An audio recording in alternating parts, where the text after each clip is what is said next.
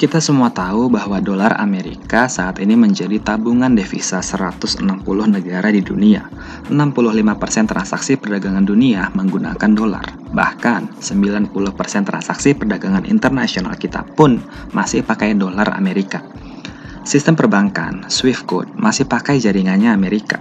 Jadi kita kalau mau transfer dolar dari BCA ke Mandiri itu pakai wire melalui New York. Bayangin betapa bergantungnya kita pada sistem dolarnya Amerika.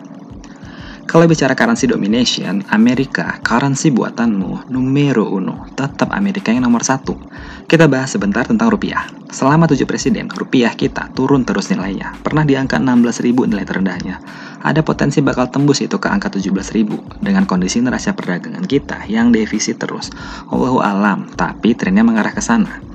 Apa sih pentingnya ngebahas rupiah? Loh, kok nyeleneh ya pertanyaannya? Melihat kondisi negara kita saat ini, apalagi yang harus kita pikirkan? Militer, urusan perang bedil, kita sangat terbatas. Anggaran kita terbatas. Proxy war, kita nggak ngerti apa itu proxy war, apalagi hybrid war, lebih nggak ngerti lagi. Di sisi non-militer, kita udah kalah di berbagai lini. Buktinya, ideological warfare, kita kalah. Kita nggak punya counternya, sehingga kita berantakan di banyak hal kita nggak punya kekuatan economic warfare, sawit kita dibakar.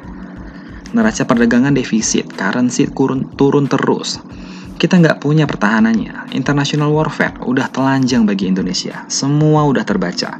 Media warfare kita kalah telak. Informasional udah nggak sanggup lagi nyensor. Teknologi, apalagi kita masih pakai teknologi asing. Kalau nanti perang dagang Cina Amerika memuncak, bukan tidak mungkin mereka mematikan teknologinya ketika battle space.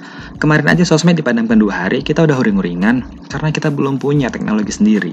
Udah banyak cara kita untuk ditelanjangi oleh mereka. Yang paling menyedihkan, cultural warfare, perang budaya. Hollywood, Bollywood, drakor, film Hong Kong udah masuk ke rumah-rumah sampai ke pelosok ujung kampung-kampung Indonesia. Kesimpulannya, kita terjajah hampir di semua lini. Currency kalah, militer kalah, media kalah, perdagangan kalah, teknologi kalah, ideologi tertekan. Dampaknya, KPK kita mudah dilemahkan, RUKUHP pun disepelekan. Jadi, udah paham ya bagaimana inti permasalahannya? Jangan bilang ini masalah global. Kok malu saya dengarnya? Kalau global bisa mempengaruhi kita, artinya kita nggak berdaulat. Kok nggak ada ya kedalaman menganalisanya?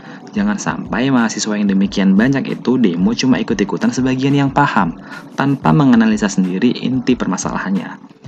Nggak malu apa kalau sampai didesain untuk memerangi negeri sendiri? Nangis loh Ibu Pertiwi, gimana sih kamu? NKRI garis lurus kan?